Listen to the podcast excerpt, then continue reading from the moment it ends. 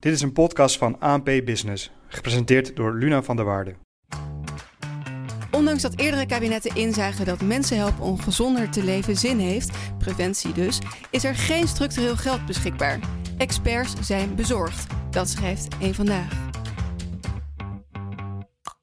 Ik spreek hierover door met Suzanne van Pelt van Smart Health. Wil je jezelf kort voorstellen? Dag, dank. Ja, mijn naam is Suzanne van Pelt. Ik ben de CEO en oprichter van Smart Health. En Smart Health ehm, heeft als doel en missie om de gezondheidsongelijkheid in Nederland uh, nou ja, eigenlijk te verkleinen en het liefst uiteindelijk uh, helemaal te laten verdwijnen, zeggen wij. Ja, en preventie speelt daarin dus een grote rol. Ja, zeker. Nou, gezondheidsongelijkheid zegt het eigenlijk al, hè. Dat er veel ongelijkheid in Nederland is op het gebied van gezondheid. En dat heeft allerlei redenen, daar gaan we het zo over hebben. En onze core business noemen we dat dan, onze focus ligt op preventie. En eigenlijk nog een stapje eerder, maar echt die gezondheidsbevordering. Dat eigenlijk Nederland gezonder en vitaler is dan dat het nu is. Ja, ja want uh, een vandaag heeft experts gesproken en gezondheidsorganisaties die zich zorgen maken omdat er eh, gekort wordt op preventiebudget. Maak jij je ook zorgen? Ja, wij maken ons hele grote zorgen. Maar wij maakten ons ook al zorgen toen er wel budget was, omdat wij nooit zagen waar dat budget voor ingezet werd. Dus daar zagen wij niet zo heel veel van terug. Dus nou ja, nu het nog hè, met de helft gekort wordt, wij vragen ons af waar is het eerder op ingezet en waar gaat het dan nu op ingezet worden. Uh, maar ik denk met het nieuwe kabinet heb ik nog echt wel het gevoel van daar liggen kansen. Dus daar wil ik het kabinet ook voor vragen om daar eens heel goed naar te kijken. En dan, dan moeten we niet denken in van preventie is afvallen, stoppen met roken, stoppen met drinken. Nee, preventie gaat veel verder. Dat is eigenlijk de stap daarvoor. Dus echt die gezondheidsbevordering. Mensen ervan overtuigen. Dus een hele andere mindset. Overtuigen over wat zij kunnen winnen met gezonder leven. En dat is voor iedereen ook anders. Ja. Ja, want je zegt preventie is niet per se stoppen met roken of stoppen met alcohol. Nee. Uh, dat is misschien wel het beeld dat mensen hebben. Ja. Uh, heb je voorbeelden van wat preventie dan wel is of zou ja. moeten zijn? Ja, preventie is dat je al, al weet dat je de informatie krijgt, dat je ook een betere keuze kan maken. Dus dat je al geïnformeerd bent over wat fastfood met jou doet of ongezond eten. Of wat doet twee glazen of drie glazen alcohol met jou of roken. Als je dat al van tevoren weet, want die informatie heb je al gekregen bijvoorbeeld op school uh, of in een wijkgebouw of bij de gemeente. Of je hebt een brochure gekregen in Turks waarin dat allemaal opgeschreven wordt. Um, dan weet je ook als je die keuze maakt om wel alcohol te drinken, is het jouw keuze. Maar je kan ook denken, ik doe dat niet, want dat heeft deze impact. Nou, en ik denk dat het daar ook heel erg aan schort dat we allemaal bezig nu zijn met van nou, heel veel overgewicht, obesitas, stress. Er zijn heel veel dingen aan de hand. En die zorgkosten reizen de pan uit. Dus iedereen denkt, oh, we moeten inzetten op preventie hadden we natuurlijk al lang moeten doen. We moeten vooral heel erg inzetten op de bewustwording van wat doen bepaalde zaken met jou. En dat is nooit eenduidig iets. Ja. Want er leeft natuurlijk veel meer. Dat heeft, de mens heeft veel meer om handen dan alleen gezondheid.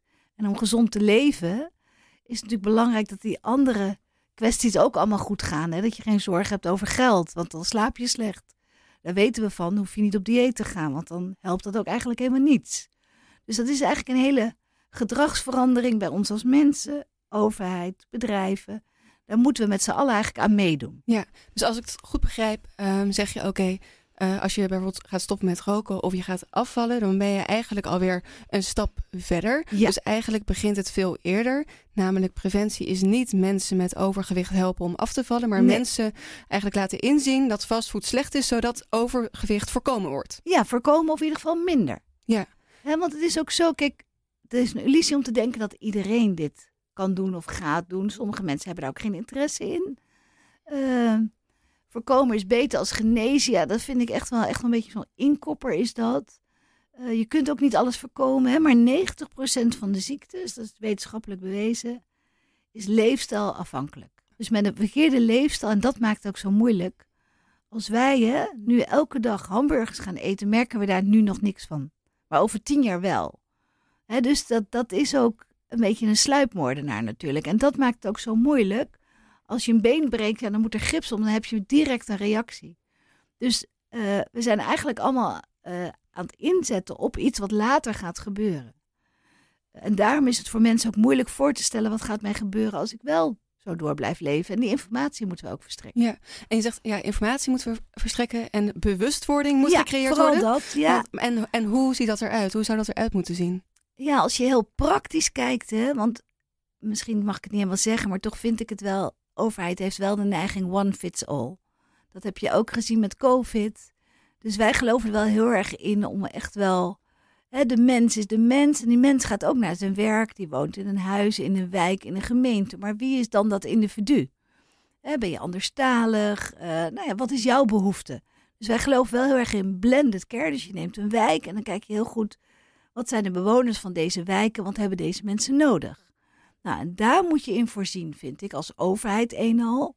Eh, voorzien dat in ieder geval de bewustwording er komt, maar dan wel op doelgroep. We hebben bijvoorbeeld een groep met, uh, uh, in Rotterdam, zijn veel anderstaliger. Nou, dan moet je de communicatie ook anderstalig gaan doen. En dan ook op cultuur inzetten. Want anders dan wordt dat nooit nou ja, opgepakt, want dan past het ook niet. Dus die blended care is denk ik heel belangrijk wijkgericht en korte doelen. Dus we, we hebben ook gezien dat als je drie maanden met een groep werkt, die blended care, en je stelt je doelen aan het begin vast, en dat is voor iedereen ook anders. En je hebt na drie maanden dat doel, dat is geweldig, en dan word je daarvoor beloond, dan vind je dat interessant, en dan word je uitgedaagd, en dan, dan ga je er ook wel mee verder. Ja. Als je jarenlang, twee jaar, Glie staat nu twee jaar voor, ja, aan twee kanten werkt dat eigenlijk niet zo goed. Want enerzijds de coach die glie geeft, wordt heel slecht betaald, zeg ik gewoon eerlijk. Moet dat voor heel weinig geld doen, omdat er weinig budget voor is. En degene die deelneemt, moet twee jaar meedoen. Nou ja, wat is er in twee jaar? Wat gebeurt er in jouw leven in twee jaar tijd? Dus dat is allemaal heel super lastig. Ja, en dus twee jaar klinkt ook meer als een soort behandeling. Ja, het is allemaal eigenlijk gericht op behandeling. Hè? Glie is, en dat vinden wij zelf heel erg jammer, pas vanaf een verhoogd hartrisico 28 BMI en anders nog hoger, maar dan heb je ook al echt overgewicht en loop je risico. Ja, en als ik dan uh, zo hoor, is het dan belangrijk om uh, ook voor het nieuwe kabinet, uh, misschien ook het algemene beeld van preventie, om heel duidelijk een onderscheid te maken tussen preventie, dus echt voorkomen dat bijvoorbeeld iemand gaat roken of voorkomen dat iemand fastfood gaat eten of anders dan een behandeling. Dus mensen die al roken of mensen die al ongezond leven, het rechte pad op krijgen. Zeker, zeker. Ik denk ook dat we helemaal dat niet preventie moeten noemen. Hoe zou je dat moeten noemen? Ja, ik was al eventjes aan het, een beetje aan het nadenken. Hoe gaan we dit nou noemen? Dat eigenlijk, je hebt al een aandoening en je wil zorgen dat dat weggaat. Hè? Dat zit wel in dat preventiepakket, hè, las ik bij, bij de Rijksoverheid. Maar hoe, ja, het is een individu met een ziekte. Ja, het is zorggerelateerd schrijft ook Rijksoverheid. En dan valt het toch in het preventiepakket. Ik vind dan dat dat in het zorgpakket valt. en dat dat helemaal niks meer te maken heeft met preventie. Nee, dat heeft te maken met de behandeling inzetten om te zorgen dat iemand weer nou gezonder en vitaler wordt en minder risico gaat lopen. En daar wordt wel behoorlijk op ingezet. Waarom? En dat is best wel een beetje een moeilijke prikkel, vind ik dat. Omdat die mensen straks het meeste geld gaan kosten. Dus als je hartrisico hebt, diabetes hebt, kost jij veel meer geld dan iemand die fitter en gezonder is. Ik zou zelf dan als overheid denken, we gaan vooral daarop zitten. Maar dat effect zie je natuurlijk pas over jaren, want die mensen worden nu nog niet ziek. Dus die prikkel is een beetje pervers. Hè? Dus het wordt ook heel erg in stand gehouden van uh, ja, big pharma, medicijnen. Oh jee, diegene heeft een risico, veel zorgkosten. Nou, daar moeten we echt wat voor gaan doen dat dat verminderen. Maar naar ons idee begint dat net zoals met meer muziek in de klas, vinden wij meer gezondheid in de klas. We vinden eigenlijk dat we het ecosysteem, en dat, dat duurt nog jaren hoor, dat weten wij, moeten richten op wat kunnen we zelf doen. Weet je, veerkrachtig, in zelfredie. Wat kan de mens zelf ook doen voor een gezonder leven? Maar dat begint er wel echt mee dat je ook weet wat een gezonder lever is. Maar ja. dat begint ook mee dat die energierekening, zien we nu ook bij eh, nou ja, groepen waar we mee werken, dat is, heeft zo'n impact. Hè? Die financiële stress, dus die middengroep die het financieel heel moeilijk heeft, beide fulltime werken met kinderen, einde van de maand niet halen, ja, dan, dan slaap je slecht. Kun je geen dieet doen. Heb je heel veel stress, dus daar is ook heel veel burn-out natuurlijk momenteel. Ja, en als we dan uh, kijken, want, want je zelf, hè, mensen kunnen uh, zelf ook veel doen en ze worden veerkrachtiger. Ja. En misschien is dat ook wel waar wat heel veel mensen denken van oké, uiteindelijk heb je zelf de verantwoordelijkheid om wel of niet alcohol te drinken, of je wel of geen fastfood eet. En als het gaat om energiearmoede, is dat misschien iets anders. Ja. Maar um, hoe vind je dat daar. Ik vind het gedeelde verantwoordelijkheid. Dus als je, je kunt je voorstellen in deze wiebelige tijd, dat je wel een heel veerkrachtig en sterk mens moet zijn om al die extra impulsen. Dus je loopt in de supermarkt, dan word je genudged langs al die rekken.